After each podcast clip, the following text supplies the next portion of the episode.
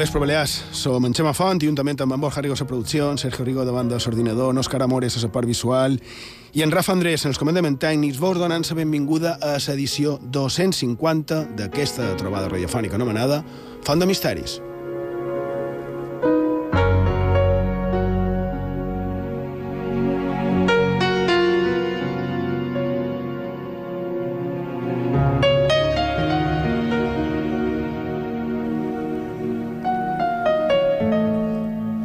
Bé, pels que feim Font de Misteris, aquesta darrera setmana ha estat, és, per nosaltres, plena de, de celebracions. Dissabte passat varen complir els nostres sis primers anys a la ràdio pública.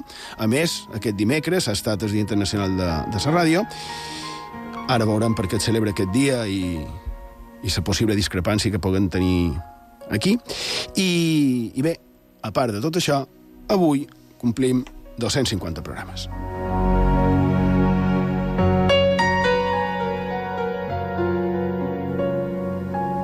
Borja Rigo, Sergio Rigo, bon vespre. Bon vespre.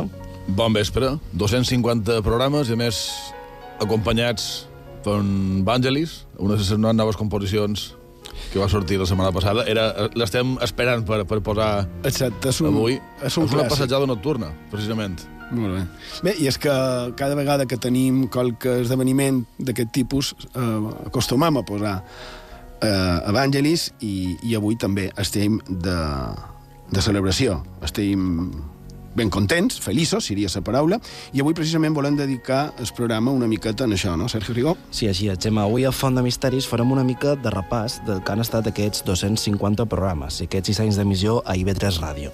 Quines han estat les veus dels protagonistes del programa, de quins temes hem xerrat o quines han estat alguns dels millors moments. I de tot això ho comentarem i escoltarem en aquesta edició tan especial. I a més a més, com sempre, si tenim temps, repassarem l'actualitat de la setmana amb diversos i llegirem i escoltarem els missatges dels oients a l'espai de xarxes socials. I ja ho sabeu, si us voleu fer arribar els vostres missatges, ho podeu fer de diferents formes. A través de Facebook i Twitter, cercant Font de Misteris i emprant l'etiqueta Font de Misteris i B3. També a través del WhatsApp del programa. El número de contacte és 659 1669 52. Ho repetim, 659 1669 52. També en el correu electrònic fontdemisteris arroba ib3radio.com o Instagram, cercant Font de Misteris IB3. Ja sabeu, també podeu escoltar tots els nostres programes en el servei a la carta d'IB3, a ib3radio.com, a ivox.com i a fontdemisteris.com.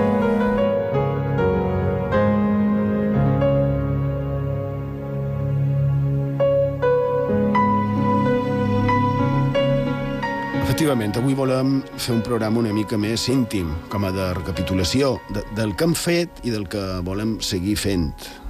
Una, també pot ser, diguéssim, una declaració d'intencions en forma de, de, de repàs molt breu. No serà fàcil, perquè són de vés, deuen ser de vés 350 hores de ràdio. I també has dit, Sergio, com, com dèiem a cada programa, les formes de contacte tan importants, no?, de, de sempre, a les ràdios, a les ràdios vives, a les ràdios convencionals, si me permeteu dir així.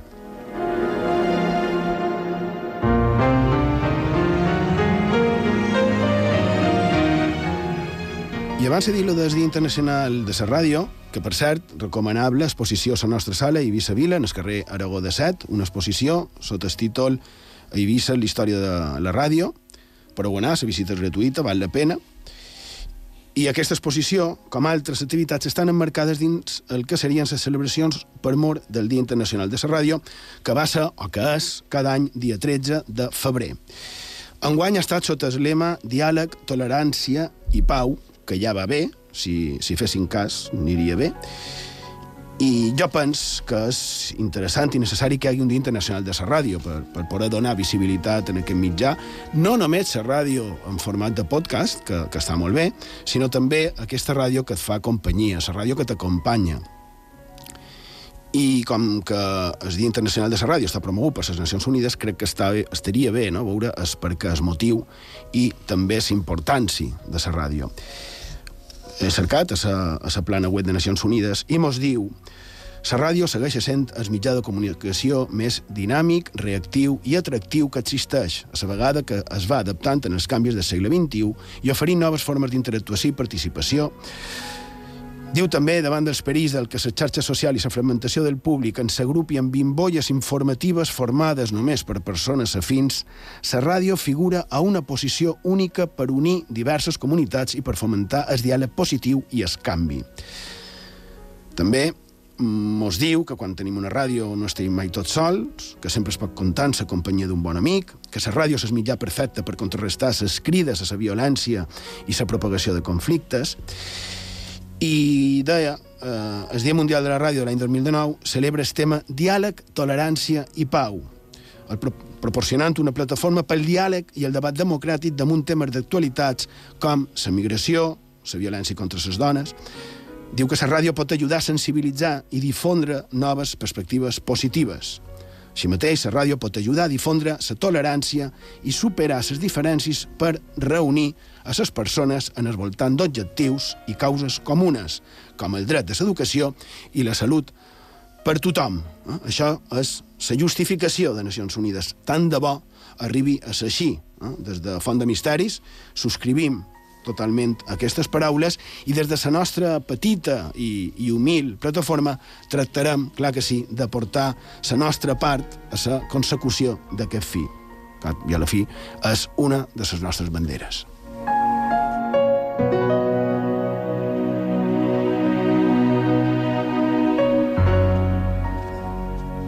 I abans s'ha dit, a lo millor, tal vegada, certa polèmica, no?, de cara a això des d'internacional, ara aquí podem discutir o no el motiu d'haver triat un dia o un altre per la commemoració d'aquest dia.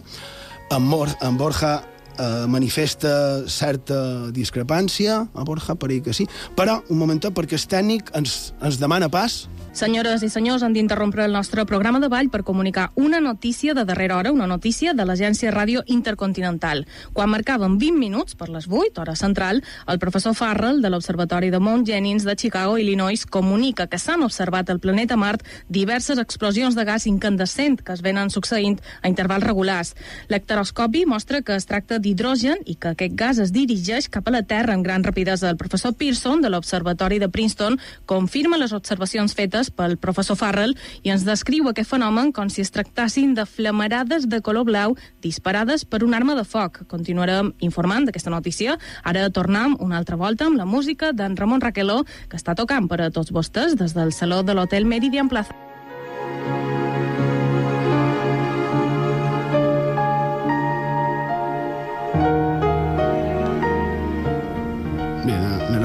Donava pas a, en el ball, però retomam de Font de Misteris amb aquest primer tall que han posat de La Guerra de los Mundos, Borja.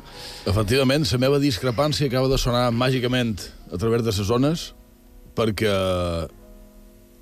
de fet abans ho era, és a dir, el dia de la ràdio, fins no fa tant, era el dia 30 d'octubre, que era quan se va anava a dir celebrar, no exactament, quan se va emetre per primera vegada eh, aquesta gran, fantàstica i meravellosa dramatització, jo crec que és la dramatització pionera, podríem dir, dins el món de la ràdio, la que va obrir, no sé, la que va fer que facin el que estem fent ara.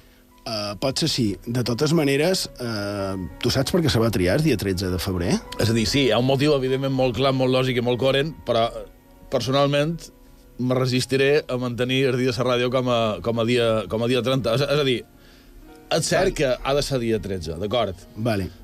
Però per jo és el dia 30. Um, ara vos contaré una cosa. Primer, um, un... el meu agraïment per aquest tall de so que mos han enviat. Querido amigo Chema, es un placer saludarte de nuevo y volver a felicitarte por tu magnífico programa Fond de Misteris de IB3 Radio, ahora que cumple seis años en antena. Desde la Academia de la Radio apoyamos sin duda el arte radiofónico porque gracias a las posibilidades que este magnífico medio de comunicación nos ofrece, la audiencia no solo puede escuchar la radio, sino también puede verla, y todo gracias al poder de nuestra imaginación. Un abrazo a todos y gracias por estar ahí, junto a la radio.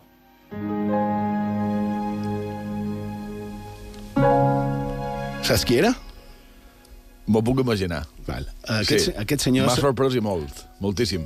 Aquesta no l'esperàvem. No, aquesta no l'esperàveu. L'altre dia vaig estar parlant amb ell, eh, Sant Jorge Álvarez, és el president de l'Acadèmia Espanyola de les Arts i Ciències Radiofòniques, i precisament ell, precisament ell, és certífex de que Nacions Unides fes un dia internacional de la ràdio consensuat en tot el món, que aquesta és la verdadera part important per jo que existeixi el dia de la ràdio. I va ser dia 13 de febrer, que per això jo m'agrada, perquè és el dia que eh, la ràdio de Nacions Unides va començar a emetre, crec que era l'any 46, però sí que m'agrada perquè està consensuat, perquè tothom pot estar d'acord i no dona cap protagonisme a cap país.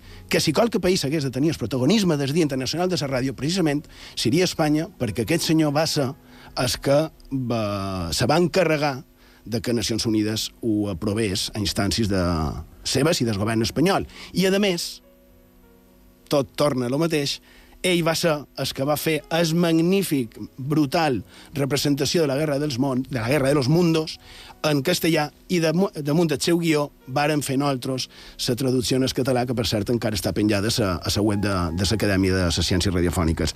Uh, moltíssimes gràcies, Jorge Álvarez, per aquesta salutació i no sé si ara penses el mateix del Dia Internacional de la Ràdio.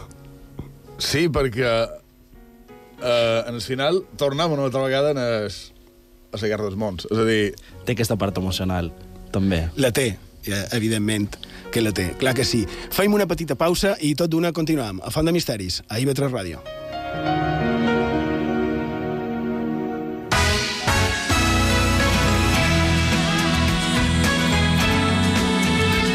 Escoltau la ràdio pública de les Illes Balears.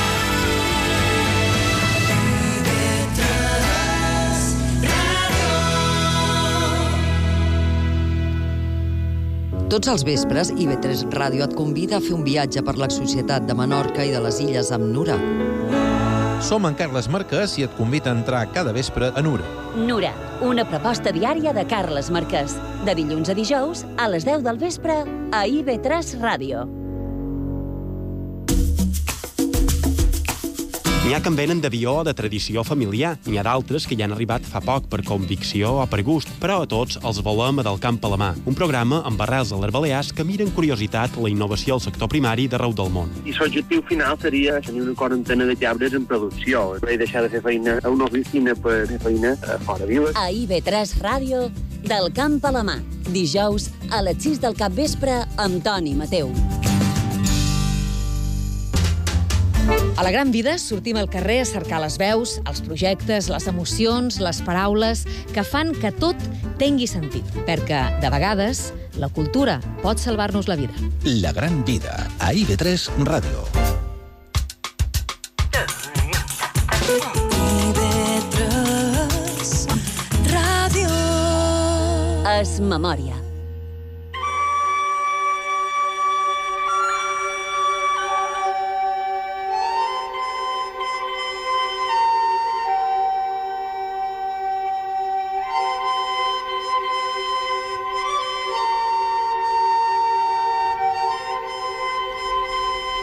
Seguim a Font de Misteris, a la sintonia d'IV3 Ràdio, la ràdio pública de les Illes Balears, a Eivissa i Formentera mos podeu trobar en el 93.7 de la freqüència modulada, i avui, com dèiem, volem fer un programa on tractar de mostrar una mica el que feim, el, el que hem fet, no? I és que sis anys passen molt ràpid, la veritat és que sí. Més de 70 convidats, més o manco 350 hores de ràdio, perquè varen fer dues temporades de dues hores a la setmana, més de mig milió, 525.000 descàrregues, mmm, que m'apareix fascinant. Això de les xarxes socials, que és el que diuen Sergio Rigo, és, és increïble, perquè vàrem estar mirant i han interactuat amb nosaltres des de més de 90 països diferents. És, és increïble, és, és... Sobretot sí. poder saber-ho, eh? Poder... Sí, sí, veure ja... Aquesta sí. persona ha entrat aquí. Aquesta sí, persona... bueno, aquesta persona sí. no sabem qui, però sí. evidentment... Però, I però països sí. que has d'anar cercant el mapa, sí. de vegades. Hem après, hem après geografia també amb això. Moltíssimes gràcies també a tots els que, els que ens escoltau des de fora, no? I també han passat 250 programes. I així, així començava el primer. Bon vespre, Balears. Som en Xema Font i juntament amb en Borja Rigo i la resta de l'equip vos volem donar la benvinguda en aquesta trobada radiofònica anomenada Font de Misteris on volem parlar de tot allò més enigmàtic, més inquietant, curiós, però també històric i anecdòtic, referit principalment a les nostres illes. És una font, perquè els misteris estan en constant moviment. Venen, van, sovint desapareixen i a vegades tornen.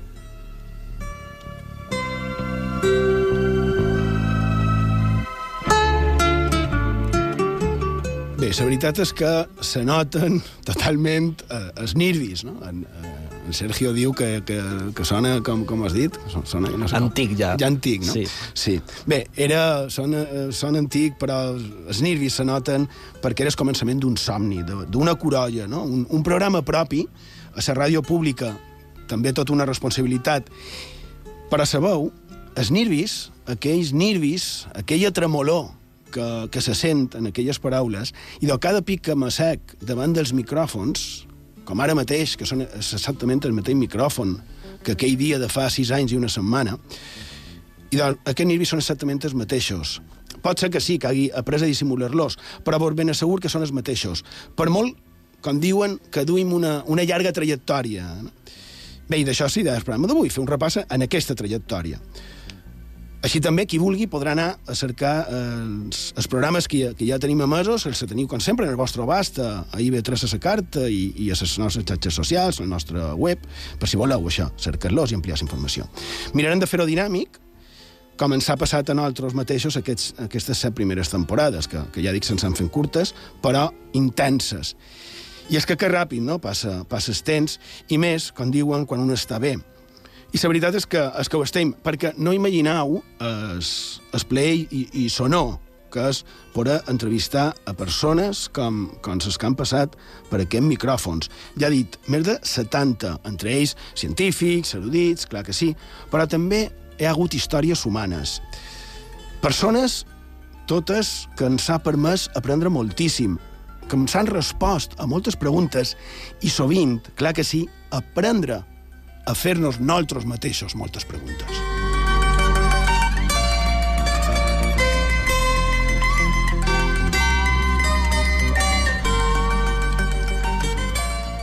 I ara que deia això del temps i d'aprendre, vàrem entrevistar, per exemple, ja ho hem fet diverses vegades, però en aquest cas vàrem entrevistar en el doctor Oliver, en Ramon Oliver, catedràtic d'astrofísica de la nostra universitat, de la UIB, i vàrem parlar amb ell de la possibilitat o no de viatges en el temps. Li deman, i aquesta va ser la seva resposta. He pogut xerrar des de gent com Einstein fins ja més recentment, per, per dir noms que la gent conegui, sí. gent, gent com en Hawking. Són persones que han estat fent feina i dins la seva, com repeteix, dins, dins el seu camp han sortit la possibilitat de fer viatges en el temps i, per tant, la resposta és que sí, que és possible fer viatges en el temps, segons les nostres teories, el nostre coneixement actual.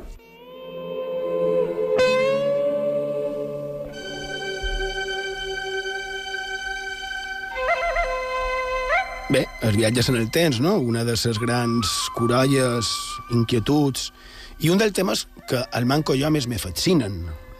És que a més ho han, ho han comentat moltes vegades. Uh, aquest tall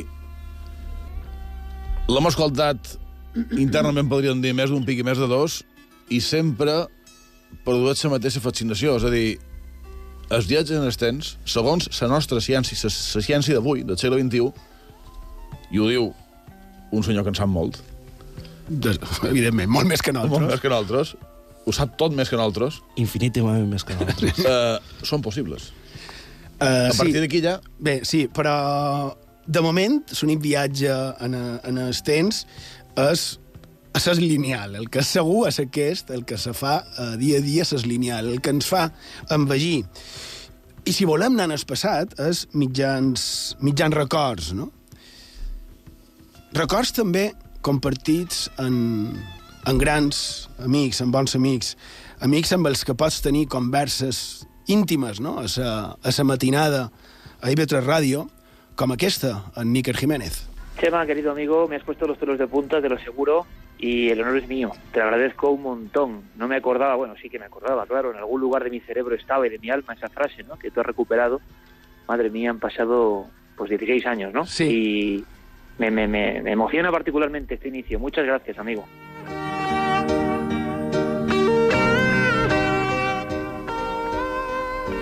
Una altra, també una, una intimitat. Fa anys vàrem entrevistar en, en Dominic von Stauffenberg, que és eh, renebot des també von Stauffenberg, que era un oficial de l'exèrcit alemany, que va intentar acabar eh, amb en Hitler, directament.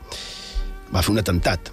No li va sortir bé, el varen aglapir, el varen afusellar, i parlant amb en, amb en Dominic, ell és veïnat de les nostres illes, ens va comentar que la seva padrina va conèixer en, en, en, en Hitler, en en Hitler en persona, que per cert, per cert, a un programa també varen parlar de la possibilitat per un escrit que va trobar a una biblioteca en, en Sergio, varen parlar de la possibilitat que en Hitler hagués estat a les nostres illes, com a mínim en una ocasió i tal vegada en dues. Bé, el cas és que li demanaven en Dominic von Stauffenberg com li havien dit a ell, a la seva Alemanya natal, ell és alemany, com li havia dit a la seva família, què li, què li havien dit d'en Hitler.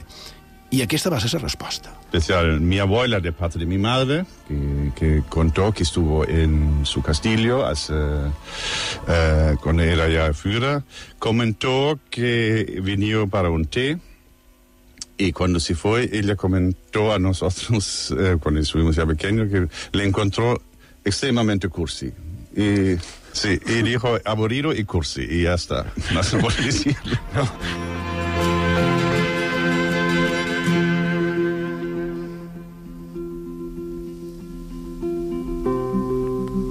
Bé, crec que també està bé posar-li un poc d'humor no? en aquest tema tan, tan tràgic com va ser el del nazisme i que ell, en Dominic, la seva família, com tant d'altres, no? com tantes famílies arreu del món, varen haver de, de patir allò. No? Va ser un honor tenir-ho en, en el programa, varen aprendre moltíssim d'història amb ell, i ell, precisament, en en Dominic, el varen conèixer per mort del programa, no? i ara som, som amics, com també mos ha passat amb altres, com, no ho sé, en, en José Aranda, per exemple, aquell reporter de guerra, periodista, articulista, pintor, escriptor, que sens dubte eh, en José Aranda de tornar a venir al programa i bé, es, el varen tenir i ens va contar unes coses que fan molta por. I no parlam ara de, de fantasmes, d'aparicions ni de fenòmens paranormals. Parlam del que dins aquest món nostre no, eh, es coneix com a conspiracions i a més relacionades amb, pers amb les persones més influents de, de, del món, no? Mo persones que a nivell global estan relacionades amb la sociopolítica, amb la geoeconomia. I ja dic, són coses que no fan gens ni mica de gràcia. Pero son, los, son los, eh, las 2.000 personas más influyentes, los que no salen en, en, en, la lista Forbes, los que no salen como vendedores de armas en la lista Forbes, que esos son los millonarios, auténticos millonarios, no frikis como, como el, el, el Amancio Ortega, ¿sabes? O, Bill Gates. Esos son los auténticos que manejan el cotarro. Y en ese campamento que se llama Mandalay, es donde organizan una serie de, de, de, rituales eh, entre satánicos y y, de, y, una quema de cremaciones de, de, de, de, espíritus y tal. Y esto yo no lo he podido comprobar, no lo he podido comprobar, pero incluso se han dicho que ha habido hasta, hasta uh, digamos, uh, asesinatos de, sacrificios. sacrificios humanos.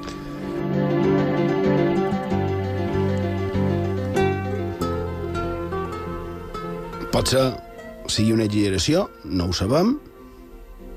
Esperem que mai no es pugui demostrar perquè mai hagi estat cert, però si vos agraden eh, les teories conspiratives, conspiranoiques, teniu en el vostre abast també el seu llibre, Objetivo Trump, i també el nostre programa, on vam entrevistar en en, en, en José Aranda. Ja dic que, que va ser molt interessant i que no vos deixarà igual. Mm, vos asseguro. A més, parla de com ell veu, preveu saber Europa i, i el món i, i sovint, malauradament, sovint pens que té raó.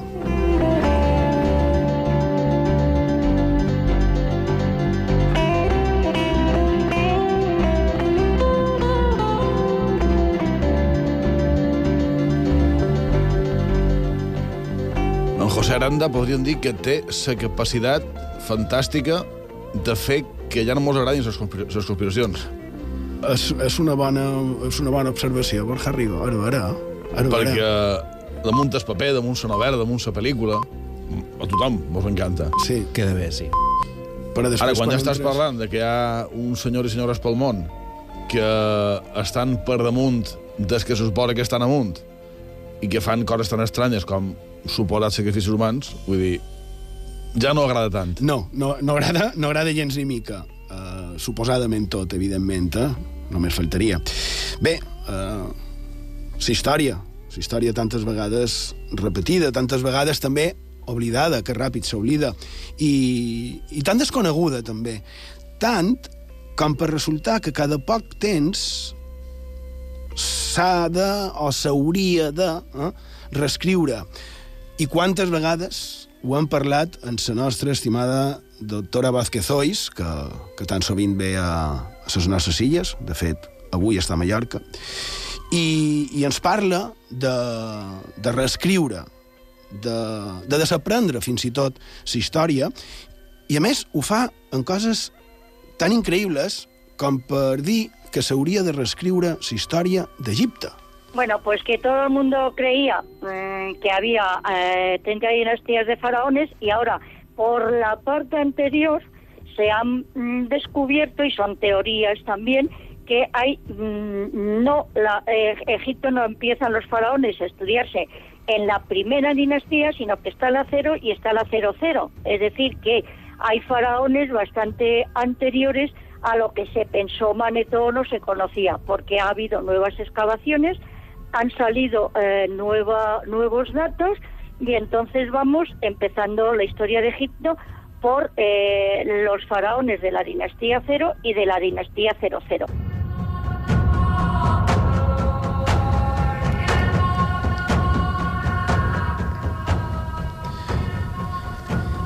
I bé, eh, bé, cert això, i una de, de les altres coses que el Manco jo m'ha donat font de misteris ha estat conèixer gent, eh? gent increïble, gent fascinant, i no només científics de, de l'alçada dels, a part del doctor Oliver i molt d'altres, no ho sé, la doctora Alicia Sintes o el doctor Luis Pomar, no, no, no, no faig referència a això. També parla de gent més senzilla, que també tenia, té molta cosa per dir, i en els que els agraïm haver fet ús dels nostres micròfons per contar coses que vos assegur que no et solen dir. Parlant de gent que han conegut, gent de la que no dubtam amb absolut de la seva honorabilitat i, i la seva sinceritat, també els agraïm la confiança i que, a més, no només mos varen donar o compartir amb nosaltres el, testimoni, sinó que, més, ens varen autoritzar a poder-lo compartir amb tothom, no?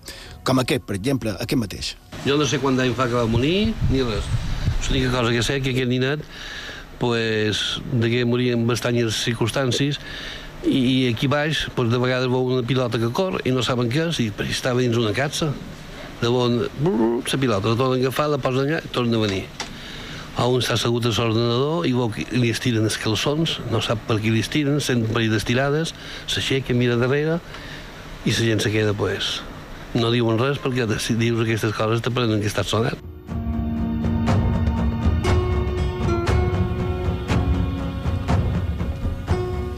Quanta raó eh, tenia quan mos deia que si no, eh, si ho dius, te poden dir que estàs sonat. Això, aquestes varen ser les seves moltíssima, paraules. moltíssima raó i és una història jo crec que de les més inquietants, inquietants que hem pogut començar a investigar en aquests anys. I aquí vàrem anar tu i jo plegats, en, en Sergio Rigo no va venir, tampoc explicarem ara per què.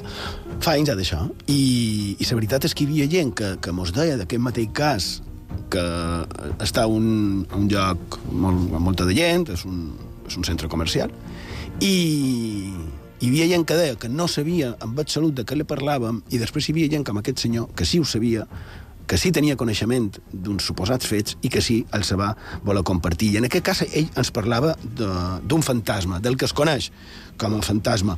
Però també han tingut testimonis de persones que creuen que hi ha éssers d'altres dimensions, d'altres planetes, no ho sé, d'altres sistemes, no ho sé, i qui són ja directament entre nosaltres. Aquest, per exemple, ens pot servir per, per il·lustrar el que faig referència. O sigui, ells són energia de llum i de calor, o sigui, de molt, el seu cos energètic eh, emeteix molt de graus, no? I el que poden fer és mm, fer-la freda per materialitzar-la. Quan l'enfrien, poden materialitzar i agafen forma física. I així se poden moure entre nosaltres, però eh, clar, així només hi poden estar tres dies.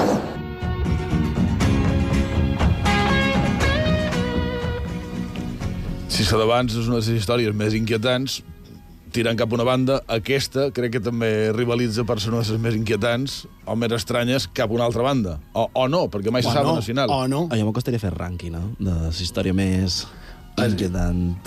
És una bona pregunta. L'altre dia me varen, me varen demanar que, que, que quin era, en quin programa me, me quedaria, no?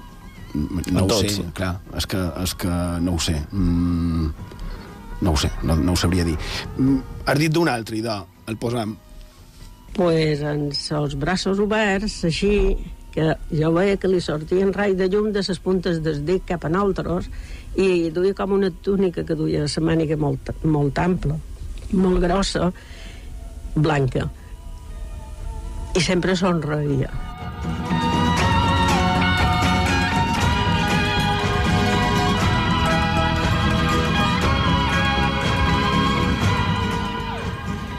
Són dues versions, tal vegada molt semblants, Um, clar, eh, el que ha dit en Sergio, tampoc podem ara aquí fer una molt més, no? No, no, no, no, podem, però, però són del tot increïbles.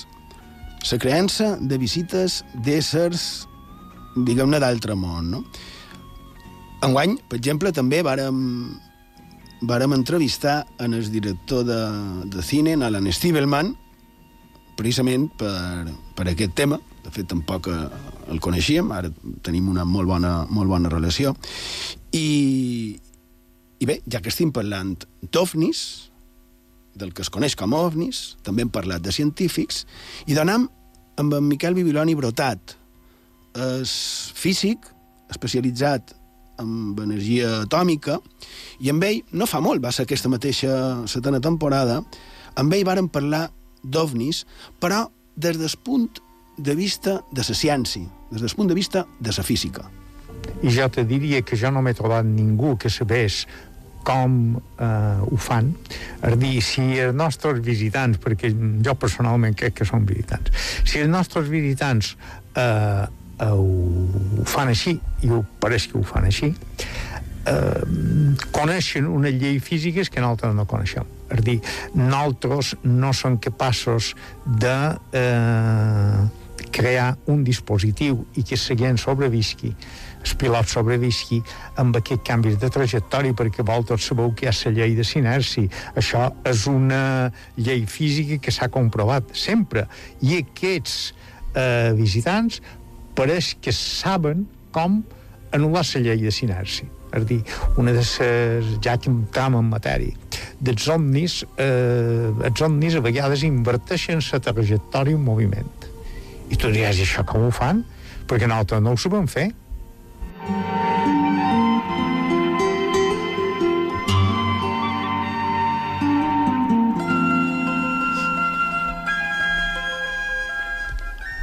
ovnis, extraterrestres, i, i bé, i un dels altres misteris, evidentment, són els esperits.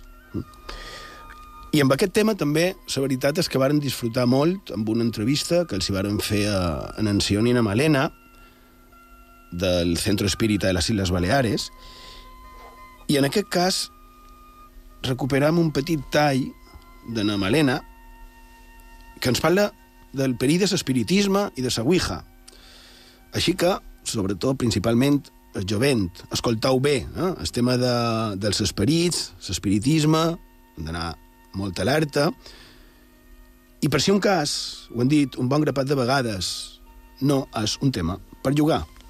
¿Qué ocurre? ¿Qué pasa? Que si un d'ells el medium pot connectar realment amb un esperit. Entonces aquí, ses, quan demanen una prova, demanen eh, el joc, és l'esperit que entra en contacte és un esperit que també vol jugar, vol aquella companyia, vol seguir-li la corrent i volen saber pues, què li passarà el fin de setmana, si tindran nòvia o no tindran nòvia, què, què passarà, si viuran o no viuran, són els lots que juguen. Entonces, no és una cosa en lo que jugar, perquè són dèbiles de mente, és, són molt impressionables.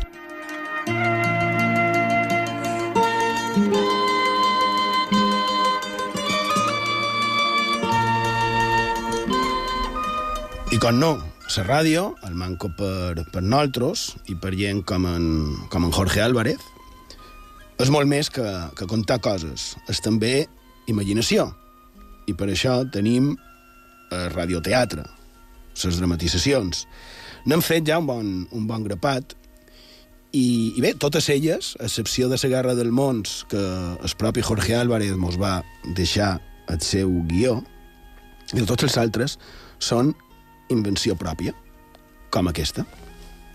I malgrat que la pena sigui gran, no ho manifestem. I us mano, per la senyoria que tinc damunt vosaltres, que ningú no plori ni es dolgui, perquè no ens convertirem en senyor vostre, i aquell bé que ells tenien el deure de fer-vos, no us el farem. Així que us mano, sota pena de perdre el meu empar, que ningú no plori. Però sabeu quin ha de ser el vostre plor? Que nos amb vosaltres i vosaltres amb nos fan pagar cara la seva mort i servim nostre Senyor en allò perquè hi hem vengut i que el seu nom hi sigui santificat per sempre.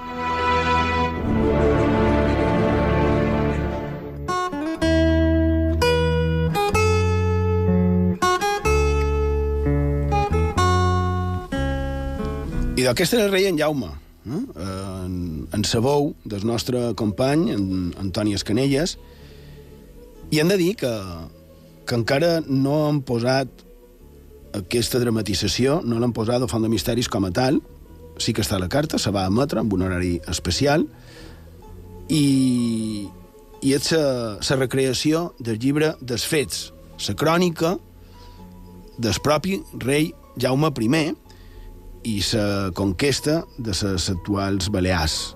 I bé, no han fet més, com aquest altre, per exemple. Mireu l'església. Gairebé no hi ha ningú. Un parell de feligresos esperant que comenci un any més la missa del gall. Ja ho veu, germana Agnès, el vostre temor és en gran manera pueril. Ningú hi ha en el temple.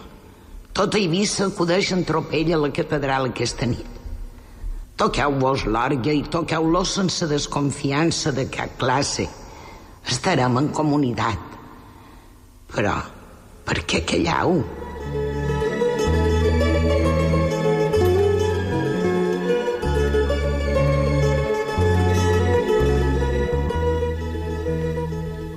I d'aquesta era, podríem dir, la versió ibicenca de Maese Pérez el organista, d'en Gustavo Adolfo Becker, del seu llibre de... el seu fascinant, interessantíssim i recomanable llibre de llegendes. En aquest cas, sabou era la de l'actriu Carme Feliu, i bé, n'hem fet d'altres. Ara escoltarem un bocí. Aquí qui, qui fa el paper és en Xavi Canyelles i hem, mm, hem triat el bocí en el que conta, segons cròniques, el que es va poder veure, el que va passar eh, a Planici, eh, en el municipi de Banyalbufar, a Silla de Mallorca, fa de més 250 anys. I, i, i, I després he sentit com una veu faresta, com si no fos d'un viu. Una veu que deia, què hacéis? Què hacéis? No traeix luz. I de cop i volta, dins de la foscor més absoluta, la torre s'ha il·luminat tota sola, i, i una llum grossa, brillant, lluenta i molt, molt, molt estranya ha baixat de la torre cap a la mar i, i ha descomparegut. I, i miri, li assegur, senyor, li assegur que no he begut, eh? No he begut gens ni mica.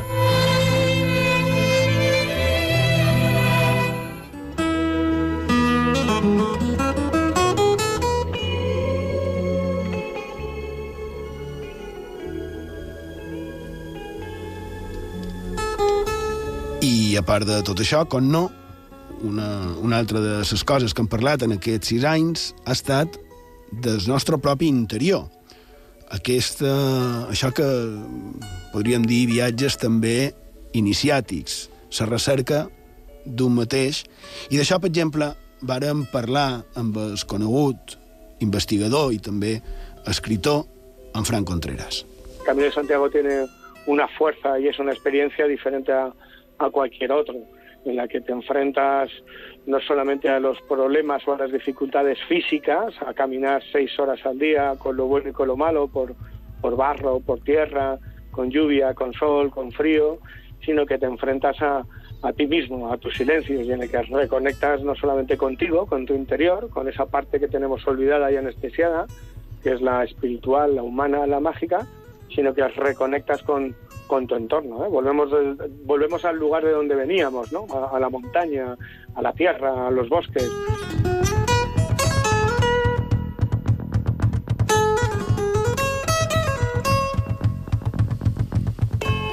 I hem parlat també d'altres coses, d'invents, de música, i en aquest cas, juntament amb el nostre company Òscar Amores, parlàrem amb un tècnic en, en electrònica, amb en Pedro Molina, que ens va dur un teremín, un teremín mm, casolà. El va fer ell mateix, i això era en el programa 125, dedicat en els misteris de la música. I què és un, un teremín? Escoltau. La veritat és que és un aparell que realment és molt curiós i que té aquest so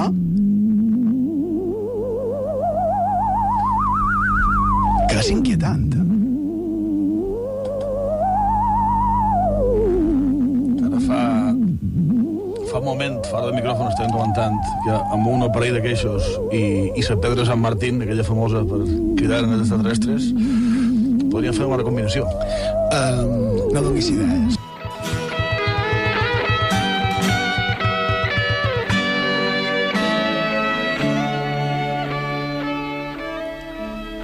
125 programes després, encara pens lo mateix. L'única llàstima és que la Pedra Sant Martín se suposa que no és autèntica. És el petit problema d'aquesta història. Però, si hem de xerrar de música o de renou o d'ambientació sonora per invocar fantasmes o per cridar els germans extraterrestres o, o qui fos, jo crec que aquesta és la música que, que hauria de sonar.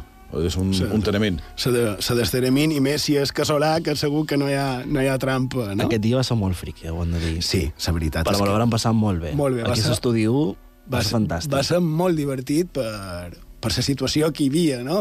En, en Pedro amb, amb aquella parella allà al mig. A més, tots estaven de vora Sí, Esteremín. varen deixar el micròfon, bé, va ser, va ser molt divertit, molt friqui, et- tal vegada és la paraula, no? I, i bé, mm, si parlam de coses, no si friqui, però si estranyes, o no tant, no? Mm, ah, bé, és que crec que ara ja veiem que no tant, perquè des de, de deu fer quatre anys mirant d'acabar les temporades a punts que per nosaltres siguin representatius i simbòlics on, on se pugui fer un programa com el nostre. I clar, hauríeu de, de posar-vos en situació per imaginar quina és la sensació. Per exemple, imagineu anar a sentir convent de la Nostra Senyora dels Àngels de Jesús, que és actualment l'hospital psiquiàtric, a tot el recinte de l'hospital psiquiàtric, és l'hospital psiquiàtric de referència a les Illes Balears, pertany a Cipsalut, està a Palma, i allà vàrem conversar amb el seu director, el seu, director, en, en Rainer Oberguggenberger. També ens va acompanyar allà en directe el nostre també habitual amic i col·laborador, el metge i psiquiatre en Joaquín López, i també vàrem estar en, en l'anterior director, el doctor Azpaleta, que va arribar en aquell hospital a principis dels anys 70. I, escoltau, només per fer-nos una idea. Quan va arribar aquí per primera vegada, què es va trobar? que em vaig trobar? Pues, un hospital... Bueno, de, de l'hospital que deixarem. Un asil, amb 900 llits, no hi havia habitacions, tot eren sales corregudes, i el que més impressionava quan entraves aquí eren les cadenes. Les cadenes eren les coses, eh, sobretot el renou de les cadenes, era una de les coses que més impressionava una persona que arribava aquí per primera vegada.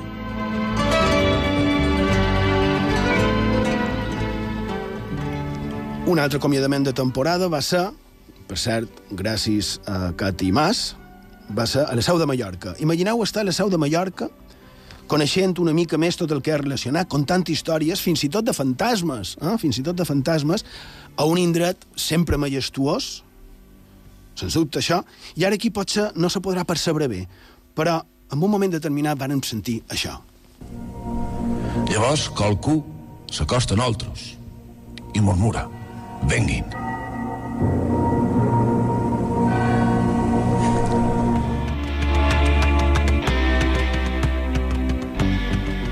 Mentre en Borja amb, la seva fantàstica veu estava locutant, el que se sentia de fons eren les campanes de Sant Eulari, l'església, imponent també, no? i que està just allà apropat. I clar, allà, dins el recinte de la seu i sentir aquelles campanes, en aquell moment va ser, sens dubte, del tot emocionant.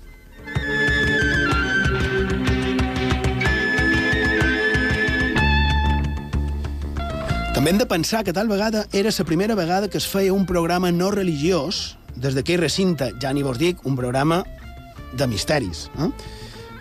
També, amb això del acomiadament de temporada, van fer un altre en els salons de plen de l'Ajuntament de Palma, la quantitat de coses que varen arribar eh, que varen poder arribar a comptar des d'aquell punt de les illes, que a part de ser o no actualment l'Ajuntament, això és igual, perquè abans era el centre de totes les illes, i a part de tot això és important per tota la història, tots els misteris que hi ha al darrere. I quan no, l'any passat ho van fer en el pati del castell de Baibà, també un indret fascinant, clar que sí. I, i a més tots aquests són jocs on no et solen fer programes com el nostre. Gràcies per fer-ho possible.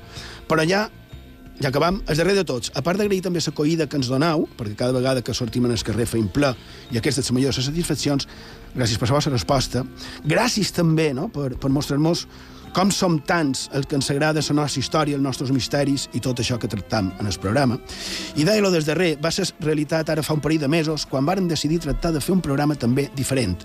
Va ser un repte que, gràcies a la regidoria de mobilitat de l'Ajuntament de Palma, a la direcció de l'empresa municipal de transports, en el nostre personal tècnic d'IV3 i també en Pet Díaz, vàrem poder dur-ho a terme. I sí, he dit en el volant en José Gordillo. José Gordillo és el conductor de l'empresa municipal de transports que li ha tocat, espero que per gràcia, li ha tocat compartir amb nosaltres una estona Borja Rigo, bon vespre de ràdio. Bon vespre en aquest vespre estrany i, i desconcertant. I diferent, eh? I diferent. Mos estem mirant ara, tots dos, com dient que, que, que raro, no? Si que vols, raro ara tot. els oients no m'ho poden veure, però ara m'he parat davant tu. Exactament. Uh, estem drets, estem de, dins d'un autobús de CMT, de la línia 29, estem a la porta de la ràdio, ja ho varen comentar, i Sergio Rigo, bon vespre, no, la tècnica...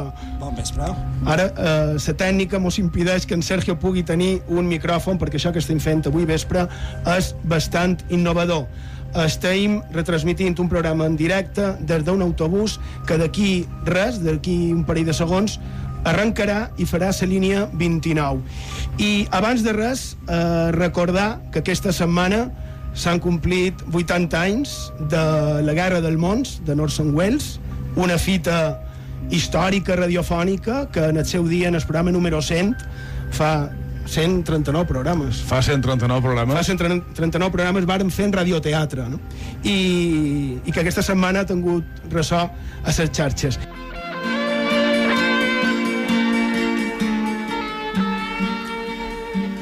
I el que va tenir ressò va ser precisament aquell programa eh, a, a la premsa de tot l'estat, cosa que també ens va cridar molt l'atenció.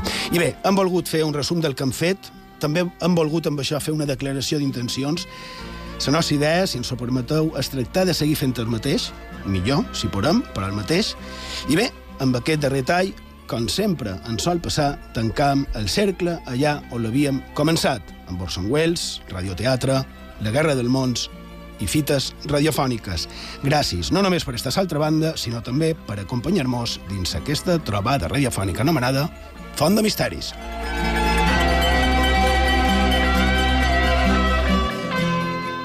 Txema Font.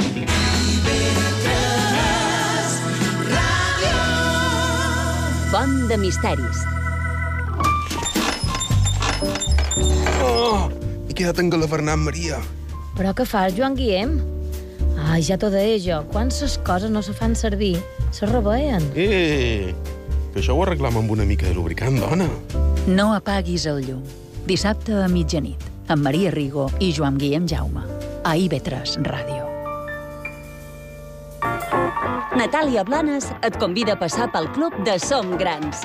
Aquí el que es du és tenir més de 60 anys, arrugues i experiència de dojo. Som Grans, dilluns a les 8 del vespre a IB3 Ràdio.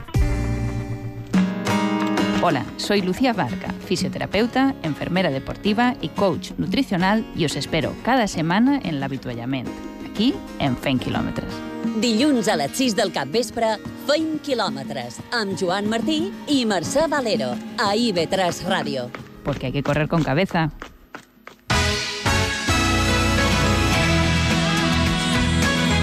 A Mallorca escoltau IB3 Ràdio al 106.8 de la FM.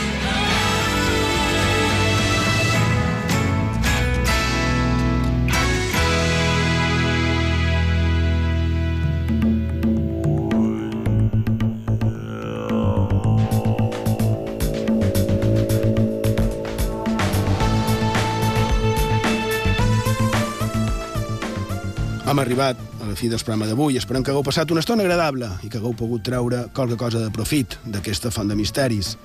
I bé, avui hem volgut fer un programa especial, un programa en el que la nostra única pretensió ha estat recordar una mica el que hem fet al llarg d'aquests primers 250 programes de Font de Misteris. També hem volgut fer una mostra dels nostres principis i del que seguirem tractant de fer d'aquí endavant, mostrant també el nostre suport a un mitjà tan apassionant, tan encisador com és la ràdio, i com no, volem agrair a tots i totes el que heu fet possible que aquesta corolla, que aquest somni anomenat Font de Misteris, sigui la realitat que ja és i que també haguem pogut recórrer junts aquest intens camí i també poder ser, com sempre deim, un punt de trobada. I bé, no fa falta dir noms, vos estic, vos estem immensament agraïts a tots i totes. Per això, en el que normalment són les utopies de gairebé la mitjanit del dissabte i vetre ràdio, avui més que una utopia volem donar les gràcies per una realitat, aquesta, la possibilitat de fer que Font de Misteris sigui això, una realitat. Crec que no fa falta afegir res més. Gràcies, gràcies a tothom i, com diu en Tomeu Penya, gràcies per la ràdio. Hagi Pau, bona nit, gràcies per la vostra companyia i fins la setmana que ve. A un nit mai no té fi ningú davant ni a darrere fins que em tornis a cuir. Gràcies per la ràdio quan vaig conduint i el meu cos és tot cansament. Gràcies per la ràdio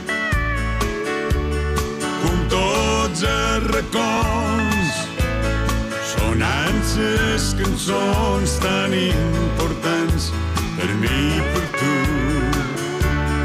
La cançó que més ballaren i la cançó de quan mos conegueren i la cançó que per primer cop feren l'amor i mai no oblidarem. Gràcies per la ràdio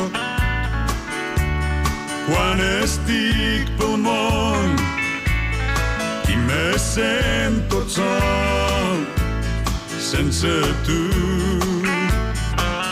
Gràcies per la ràdio racons d'escotxo i que són tan importants per mi i per tu.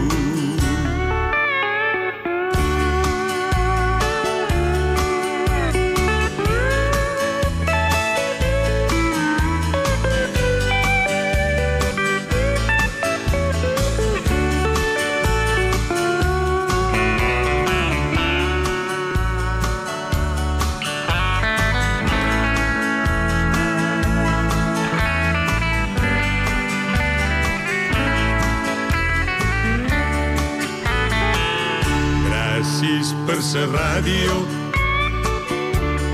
quan vaig conduint i el meu cos és tot cansament. Gràcies per la ràdio